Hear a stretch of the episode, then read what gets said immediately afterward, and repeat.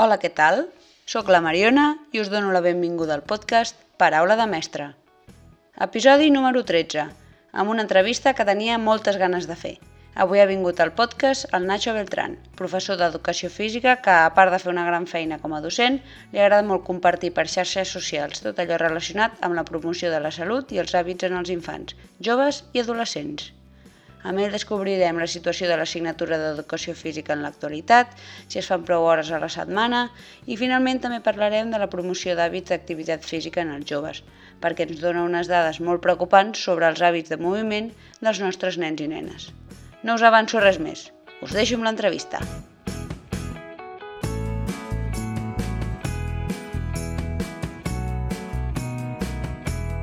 Hola, buenas tardes. Eh, Nacho, ¿qué tal? ¿Cómo estás?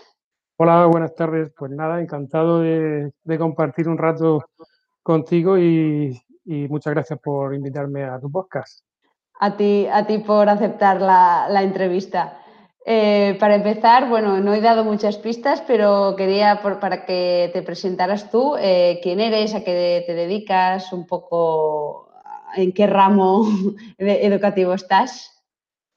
Pues bueno, yo soy, me llamo Nacho Beltrán, soy profesor de educación física, estudié la licenciatura de educación física, lo que actualmente se llama ciencias del deporte. Y bueno, pues como todos los, que enamorados del gremio del deporte, del movimiento, pues hemos pasado por una trayectoria de, diferentes... Correcto, sí. Eh, yo he conocido a Nacho a través de Twitter y para la audiencia que lo sepa, que, bueno, que le, pregunté si quería hacer una entrevista para el podcast, más que nada por... ahora veremos que tiene mucho más que, ofrecer, pero bueno, en principio era para hablar también eh, sobre todo del, tema de la actividad física, de promover los hábitos y, la, y, el ejercicio en, en los niños.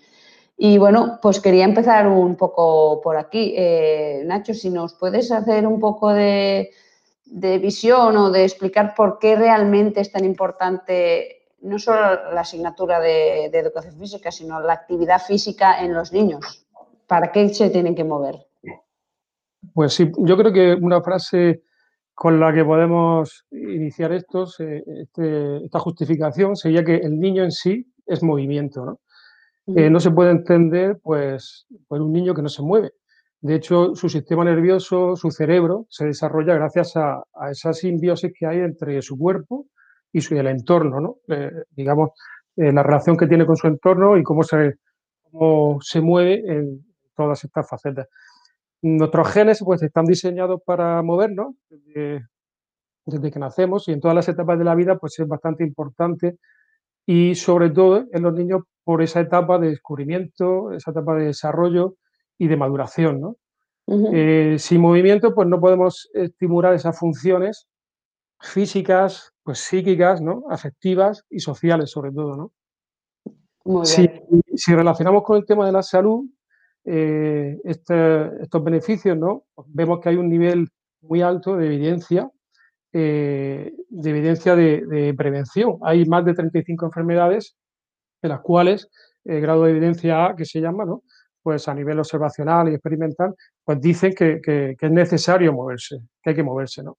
Y pues, muchas entidades nacionales, internacionales recomiendan la práctica diaria de, actividad física en los niños como medida, medida, de prevención de primer orden. ¿no?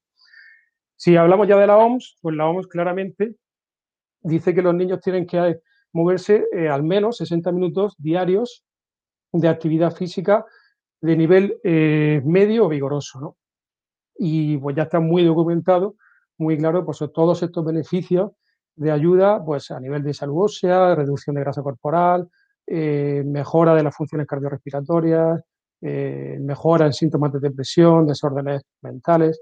Y bueno, todo, todo esto está muy documentado, muy justificado Incluso podríamos hablar de una relación entre dosis y respuesta.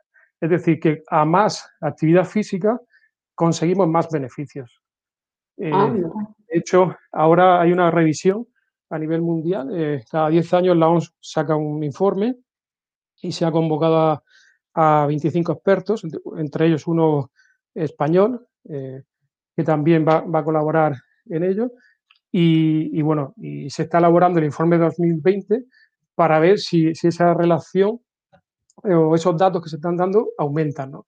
Porque parece ser que eso es el mínimo necesario, ¿no? ¿Cómo tendría esa actividad física? Pues, pues tendría que ser sobre todo aeróbica, pero también dice que tenemos que incluir eh, semanalmente al menos tres eh, sesiones de fuerza, sesiones de fuerza para estimular ah, la en los niños. En los niños no sería de forma analítica, sería más bien pues a través de juegos, a través de, tracciones, locomociones, empujes, saltos. Y bueno, y todo esto pues sería un poco la justificación eh, de por qué, de por qué tenemos que, hacer actividad física, ejercicio físico en los niños. ¿no? Es decir, que si no, no he entendido mal, eh, los 150 eh, bueno, los 60 minutos eh, diarios no son solo de caminar un poco y de moverse, sino que tiene que ser, como dices, ¿no? intenso y ahora se añade ¿no? que también está muy bien el ejercicio de fuerza para. Correcto. digamos que sería el mínimo, el mínimo a través del cual podemos tener evidencia de que hay una mejora en la salud. Ese es el mínimo. Y, en ese mínimo, eh, digamos, cuando leemos el documento de la OMS, podemos ver que, que, incluye y detalla que sí, que tenemos que incluir ejercicios de fuerza, no vale solo andar, pasear, ejercicio de mediana intensidad, sino que eh, el músculo pues sería un órgano endocrino fundamental que tenemos que mantener, que tenemos que no, no perder, ¿no? y eso pues para el desarrollo óseo muscular de, ligamentoso de, para el crecimiento es básico, ¿no? Muy importante, ¿no? Muy bien. Y, claro, eso eh, sería ideal eh, incluirlo en el, día a día, pero en la, claro, aquí en la educación española y en general en todo el mundo se tiene una asignatura específica, ¿no? Que es eh, educación física. ¿Cómo tú crees que todo eso está, se incluye, todo esto que dice la OMS de, este tipo de actividades? ¿Cómo, ves tú la, asignatura en, en España? ¿Cómo está ahora? Bueno, pues lo primero decir que la UNESCO ya en el año 2015 eh, dijo que la educación física de calidad es un derecho, es un derecho fundamental que reporta múltiples beneficios eh, al individuo y a la sociedad. Entonces, ese reconocimiento, ese estatus que le ha dado la UNESCO, pues creo que, está ahí y tenemos que considerarlo. Mm, la asignatura en sí, pues la asignatura lo que intenta es desarrollar una competencia que no sé por qué no está en, el listado de competencias básicas generales de, que saca el Ministerio, que es la competencia motriz. Todos tenemos un cuerpo, todos tenemos una dimensión corporal que tenemos que educar y que tenemos que intentar pues, pues, eh, manejar en, nuestro entorno. Esa competencia motriz, eh, la única asignatura que la desarrolla es la educación física. ¿Cuál sería el objetivo? Pues el objetivo sería promover esa actividad física y los recursos los recursos necesarios para que de forma autónoma los niños y los adolescentes continúen practicándola. Que, adquieran esos hábitos saludables y que, junto a esos hábitos saludables pues también tengan un análisis crítico ¿no? que afiance un poco esas actitudes, esos valores en relación a, su cuerpo, en relación al movimiento, en relación a, a ese entorno que tenemos, ¿no? el que tenemos que movernos es decir, como por ejemplo en matemáticas se practican las sumas para que después se sepa sumar más fácilmente, pues con el movimiento lo mismo, ¿no? En, educación física, promover esta competencia de para cómo moverse, qué es mejor, eh, de qué manera, ¿no? Supongo que. Correcto, correcto. Todo, hay toda una serie de contenidos, exacto, toda una serie de contenidos que que intentan, pues, a través de esos bloques de contenidos que nos marca el currículum, pues desarrollar esas competencias, ¿no?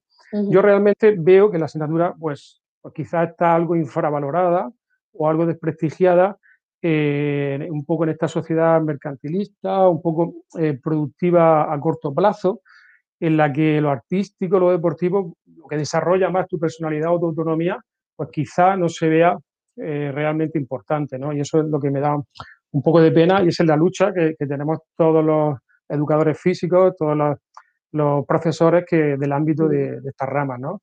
Tanto plástica como música, como todo este tipo de, materias que creo que son muy importantes en los niños, ¿no? Y, en ese sentido, ¿cómo, ¿Cómo responden los alumnos? Porque a veces, eh, como tienen esos inputs ¿no? de fuera de sus padres, de bueno, eh, si, no, si me sacas un 5 en educación física, vale, pero en mates sácame un 8 como mínimo, ¿no? ¿Cómo, ¿Cómo, responden a tu asignatura con, esa, con ese mensaje que reciben los niños? Bueno, yo creo que, que la asignatura eh, en primaria, digamos que aquí sería diferentes niveles, ¿no? Diferentes niveles educativos. En primaria, pues creo que hay una relación un poco más natural hacia el movimiento, creo, no, yo no soy docente de primaria, pero creo que hay un sentido mayor de autoridad hacia el profesor. Creo que los niños pues mm, agradecen salir a las vistas, salir a los patios. Y en secundaria, pues quizá la cosa cambie un poco, ¿no? Eh, quizá el efecto ya de la sociedad de domesticación de hábitos sedentarios, pues ya mm, es más acusado, ¿no? Y cuando estamos en un segundo ciclo de la ESO, de tercero para adelante, ya cuesta, cuando llegamos a bachiller, ya aquellos niños y niñas sedentarios, que ya son adolescentes, pues es muy difícil sacarlos de ahí.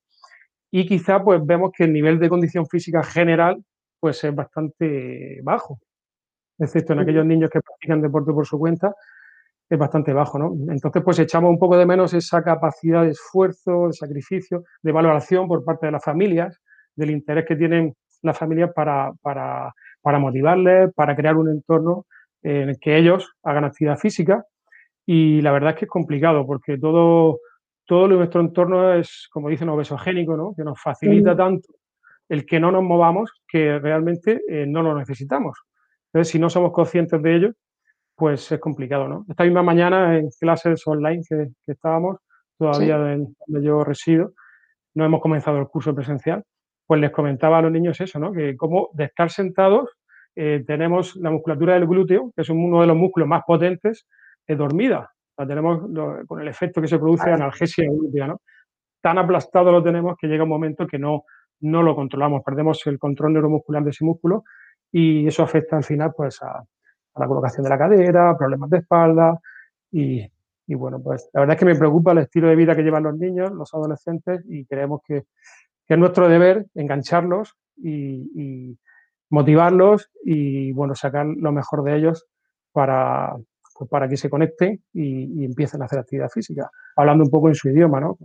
Porque si no hablamos en su idioma, difícil es conectar con ellos.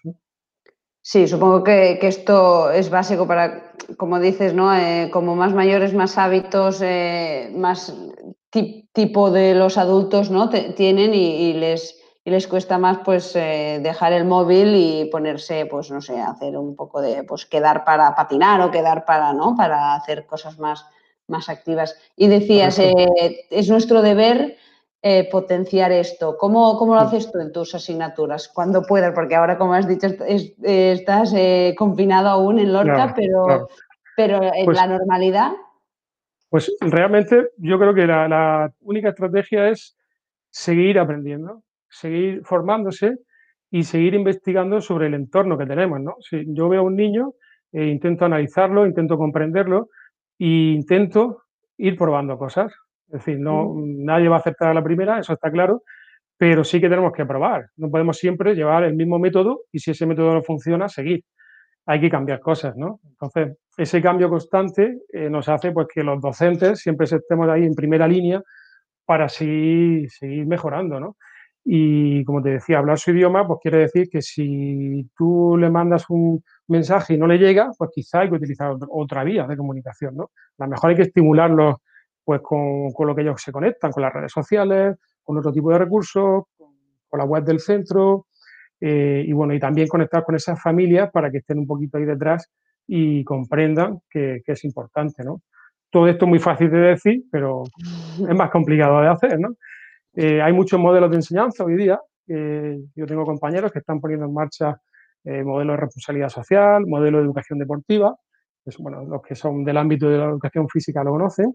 Y son modelos de cómo plantear las clases que, que, por ejemplo, de educación deportiva, que le dan un rol a cada alumno. El rol del, profesor, el rol del entrenador, el rol, de, el rol del ayudante, el rol del árbitro. Y digamos que a base de darles responsabilidades, ellos entienden un papel que, desempeñan y se comprometen a desarrollarlo. Y bueno, pues es un ejemplo, ¿no? como hay muchos otros, y buscando esos modelos, modelos de intervención en el aula que, que, que logre tener efecto real, ¿no? Mm. No, me, gusta eso que dices de, probar, ¿no? Porque a veces pensamos que no, la manera esta que se tienen que entenderlo sí o sí, no, pues a veces, ¿no? Pues eh, unos responderán de una, de una, manera y otros de otra y al final también, bueno, desde mi punto de vista como docente también eh, estamos en constante eh, aprendizaje, ¿no? Sí, sí. Y hablando un poco de lo que, retomando un poco al principio de que hablamos de la asignatura, eh, que decías que es un poco ¿no? la, María o esas que no se toman tan en, cuenta, ¿qué, cambios aplicarías para que realmente se, valorara? Eh, ¿Cómo, no sé, desde arriba o, desde los centros, qué, propuestas propondrías? Mm, hombre, lo primero sería que, que a nivel gubernamental o a nivel de las comunidades autónomas, pues tuvieran claro esas ventajas y esos beneficios que aporta la asignatura, porque estamos en esa lucha y se han hecho muchas, muchas intervenciones ya, se ha ido hasta intervenciones en el Congreso, se han hecho proposiciones no de ley aprobadas en Andalucía, que luego no llegan a nada. En el territorio MEC, el curso pasado ya comenzó una tercera hora de educación física, porque hay dos horas a la semana como experimento. En Murcia eh, se pretende el próximo curso empezar con una tercera hora en primaria. En Madrid, bueno, todo esto te lo digo porque compartimos muchas veces los compañeros del gremio eh, toda esta información ah, y eso nos enriquece. En Madrid ya está aprobado. Perdona que te corte, porque al tener las competencias cada comunidad, claro, puede que en una comunidad en primaria sea una hora de educación física, pero en otra sean dos o tres, ¿no? Pues en, en, a nivel estatal, eh, una hora la pone el ministerio y otra hora la comunidad autónoma. Entonces, básicamente el esquema es que hay dos horas de educación física a la semana. Pero a partir de ahí hay una ola creciente de, y parece que hay sensibilidad hacia una tercera hora, ¿no? que sería el siguiente pasito para mejorar eh, la cantidad de tiempo que tenemos para actuar y para darle más importancia a la asignatura. ¿no? Como te decía, en Madrid, para el próximo curso, ya se pretende poner en marcha esa tercera hora eh, en, la ESO, ¿no? Y poquito a poco ampliar la bachiller. Y bueno, y otra cosa importante es que no hay que mejorar la cantidad, sino también la calidad, que es lo que hablábamos un poco antes, ¿no? No acomodarse, no pensar que está todo hecho y siempre intentar buscar eh, maneras de actuar en las que podamos enganchar al alumno, ¿no? Y bueno, eh, tú no has tenido experiencia, por eso que decíamos que aún no has podido empezar clases presenciales, pero como también nos has comentado que, estáis en, contacto con, otra, con otros profesores, con otras comunidades, eh, la experiencia esta de hacer educación física con mascarilla, supongo que durante la actividad no la hacen, pero ¿cómo se lo toman los alumnos? ¿Cómo, cómo ves que va este tema? Pues mira, el tema de la mascarilla es un tema mm, que, claro, ha surgido nuevo, es una medida de control necesaria, una medida eh, imprescindible, es la primera barrera que tenemos para controlar esta situación de pandemia. Y, bueno, es complementaria al lavado de manos y distanciamiento, que eso... Ahora, ¿cómo conjugamos eso en una clase de educación física?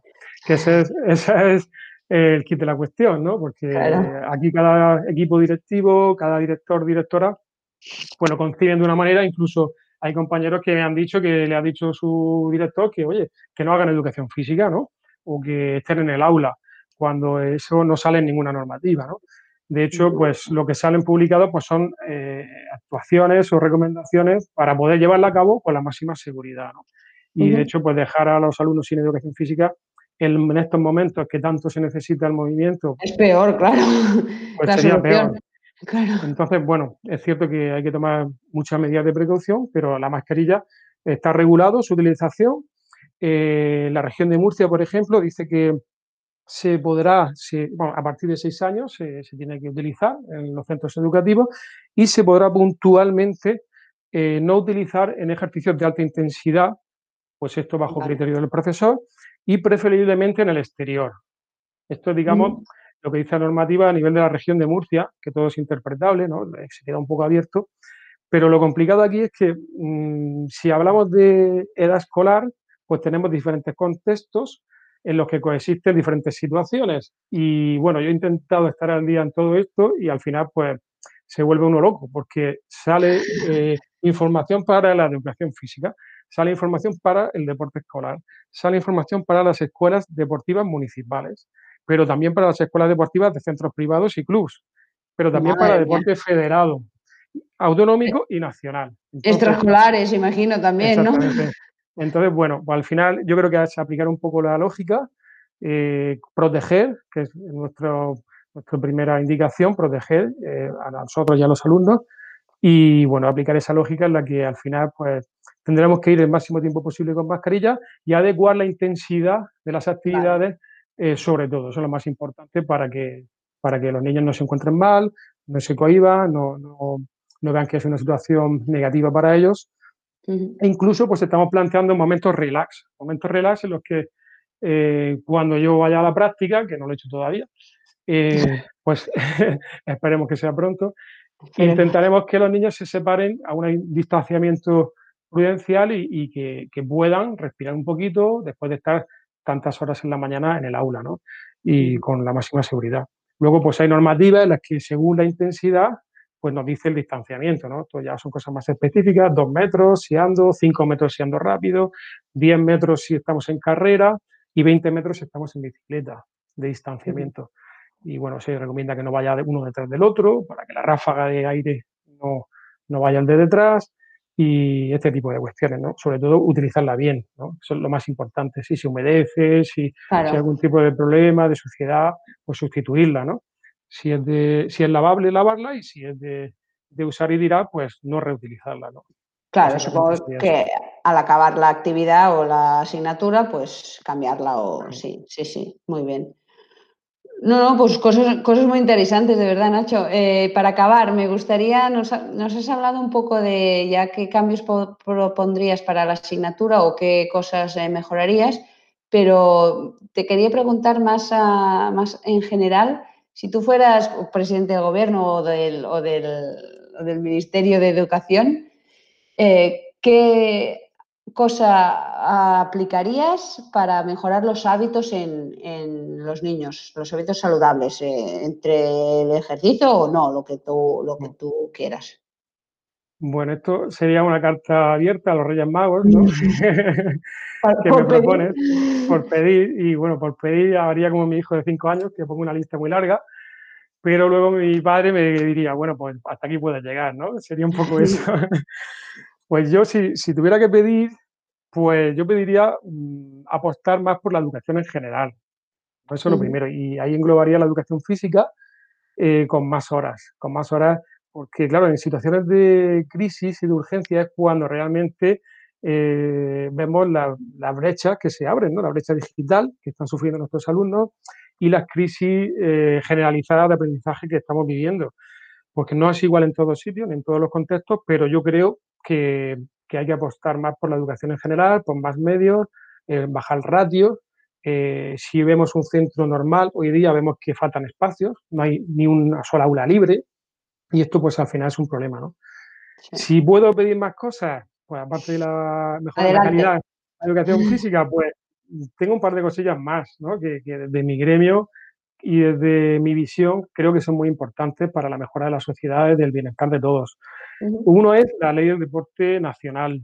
Eh, creo que es sangrante y que, es una dejadez de funciones que en el 2020 no haya una ley del deporte a nivel nacional. Están saliendo leyes del deporte a nivel autonómico, cada una sacando la suya. De hecho, Cataluña fue la primera, creo que fue la que lo sacó, y Madrid están sacando, pero hay que regular el sector, hay que regular pues, el ámbito de la gestión, de la docencia, del entrenamiento. No todo el mundo puede realizar unas labores eh, sin que esté regulado, ¿no? Y eso, esa ley del deporte creo que es importante que, salga para que esto no sea un caos. Yo no monto una clínica de fisioterapia si no soy fisioterapeuta. unos mínimos, Unos mínimos, y no monto un gimnasio, pues si no tengo una titulación mínima regulada y, y, autorizada, ¿no? Y luego, pues, otra cosa importante sería, pues, que en la sanidad también la figura del especialista en ejercicio físico se pudiera implementar. Ya se están haciendo experimentos, se están haciendo eh, colaboraciones eh, piloto con diferentes grupos de médicos y, e investigadores donde el especialista en ejercicio físico es decir, una persona licenciada que tiene su especialización, pues trabaja eh, en esa prevención o en esa recuperación de, personas enfermas. Y creo que es importante, ¿no? De hecho, hay datos que dicen que un euro invertido en práctica de ejercicio físico contra el sedentarismo ahorra al sistema sanitario entre 5 y 7 euros, hasta 15 euros en algunos estudios. Y bueno, ya que hablaba contigo, he buscado también un estudio de Cataluña que dice que eh, a 15 años vista llega el ahorro a ser de 50 euros a largo plazo, un euro invertido en ejercicio físico. Por, niño, ¿no? Por persona.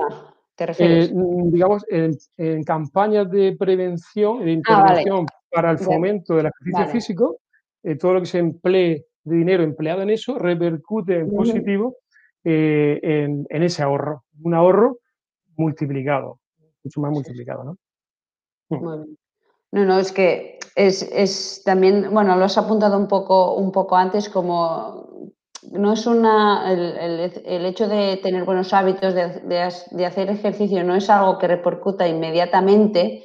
Eh, es, yo creo que es eh, lo que hace que no lo valoramos tanto, ¿no? Porque es más a largo plazo, pero es que realmente los beneficios a, largo plazo superan la mayoría que son a, corto, ¿no? Bueno, no sé, eh, también es mi opinión decirte un par de datos para ir terminando. Mm, y, es que en España somos el segundo país de Europa en obesidad infantil y juvenil. Eh, solo estamos detrás de Grecia con un 44% de sobrepeso. Imagínate. Otro dato muy importante, este, este dato que te da es de 2020, en, el 80% de los adolescentes no cumple con las recomendaciones mínimas en su franja de edad dictadas por la OMS. ¿no? Entonces, digamos que estamos ante una situación muy mejorable, ¿no? Eh, y es así, y hay que ser conscientes de que tenemos que fomentar eh, pues los desplazamientos activos, las ciudades que inviten más al movimiento, eh, trabajar más en prevención, regular la, pues, la propaganda al público infantil, como comentabas en el anterior podcast, con, la presidenta de, la Fundación Paguasol. Es decir, que es todo un compendio de medidas que creo que que entre todos y con la colaboración de instituciones y profesionales, pues pueden poquito a poco hacer mejorar la salud de, todas las personas. Sí, sí, solo con los dos datos que has dicho de, los adolescentes eh, y, de lo, y de la, del, índice de, obesidad en España infantil, eh, solo con esos datos ya nos tendríamos que alarmar y hacer algo rápido, pero bueno, eh, estamos como estamos. Ayer, por ejemplo, eh, compartí también un, estudio, bueno, eh, un estudio de Navarra, eh, que observaba cada año el nivel de actividad física en los niños pequeños, de, de, 3 a 6 años, y veían que, que sus datos indicaban que niños pequeños, de 3 a 6 años, estamos hablando, que no eran capaces de moverse lo que se recomienda. Es decir, estamos ya coartando eh, prácticamente el 45%, decía, decían los datos, de lunes a viernes eran el 45%, eh, perdón, los fines de semana el 45% los que cumplían la recomendación. Cuando más tiempo tenían, no llegaban ni a la mitad, cumplían la recomendación de tres horas de movimiento, tres horas de moverse, por pues, el niño jugando y demás. Pero es que de lunes a viernes solo lo cumplían el 15%. Una barbaridad, es decir, que tenemos un 85% de niños esto es un dato de la, comunidad de Navarra, que no se mueve lo suficiente. Una barbaridad. Bueno, eso es lo que decías, ¿no? De vamos al colegio en coche, salimos del cole y nos vamos a casa y nos ponemos con la tablet. Bueno, no todos, eso es verdad, ¿eh? Pero, pero si los datos dicen esto, que el, solo el 55% lo cumple en fin de semana, que es cuando tienen tiempo, y solo el 15% durante la semana, imagínate. Bueno, eh, bueno, nada más, Nacho. Eh, realmente una, entrevista muy interesante. Nos, has dado datos y nos has explicado cosas realmente que para, reflexionar y agradecerte eh, esta, esta, entrevista, de verdad. Pues Mariona, a ti muchas gracias por haberme invitado. Espero que despierte un poquito el interés por eso, por la actividad física, por el ejercicio, por el sentido que tiene eh, también el respeto a la asignatura, a los docentes en general, ¿no? Y muchísimas gracias por, ser altavoz de todas estas cosas y enhorabuena por tu podcast, que sigas difundiendo y divulgando tan bien como lo haces. Muchas gracias, ¿no? Y, es importante eh, no solo difundir, sino qué, difundir, ¿no? Para que el mensaje llegue a más gente. Yo creo que, ese es el, es el tema más, más importante ahora mismo. Eh, bueno, pues eh, te, seguiremos en Twitter y ahora ah, para la audiencia os dejaré los datos de, Nacho para, para, que aquellos que quieran lo, sigan, porque, como ha dicho antes, compartió este estudio de Navarra y comparte muchas otras cosas eh, sobre educación física, sobre actividad física y, todos los que tengáis hijos o seáis maestros realmente os será muy útil. Y nada más, Nacho, eh, despedirte, un abrazo muy fuerte, que, sigas, que, pase pronto el confinamiento en Lorca y que, y que podáis volver a, dar clase, que seguro que lo echáis mucho de menos. Llevamos unos meses sin verle las caras a los niños y ya tenemos ganas, sí. Pues muy bien, un abrazo, que vaya muy bien. Un abrazo fuerte. I fins aquí l'entrevista. Un autèntic luxe haver pogut parlar una estona amb el Nacho que la veritat és que ens ha deixat un munt de dades que ens han de fer reflexionar. Com sempre, us deixo a les notes tots els enllaços per seguir-lo i també l'enllaç a un informe que està elaborant la OMS actualment sobre les recomanacions d'activitat física en la població a nivell mundial. Ens escoltem a la propera. Abraçada!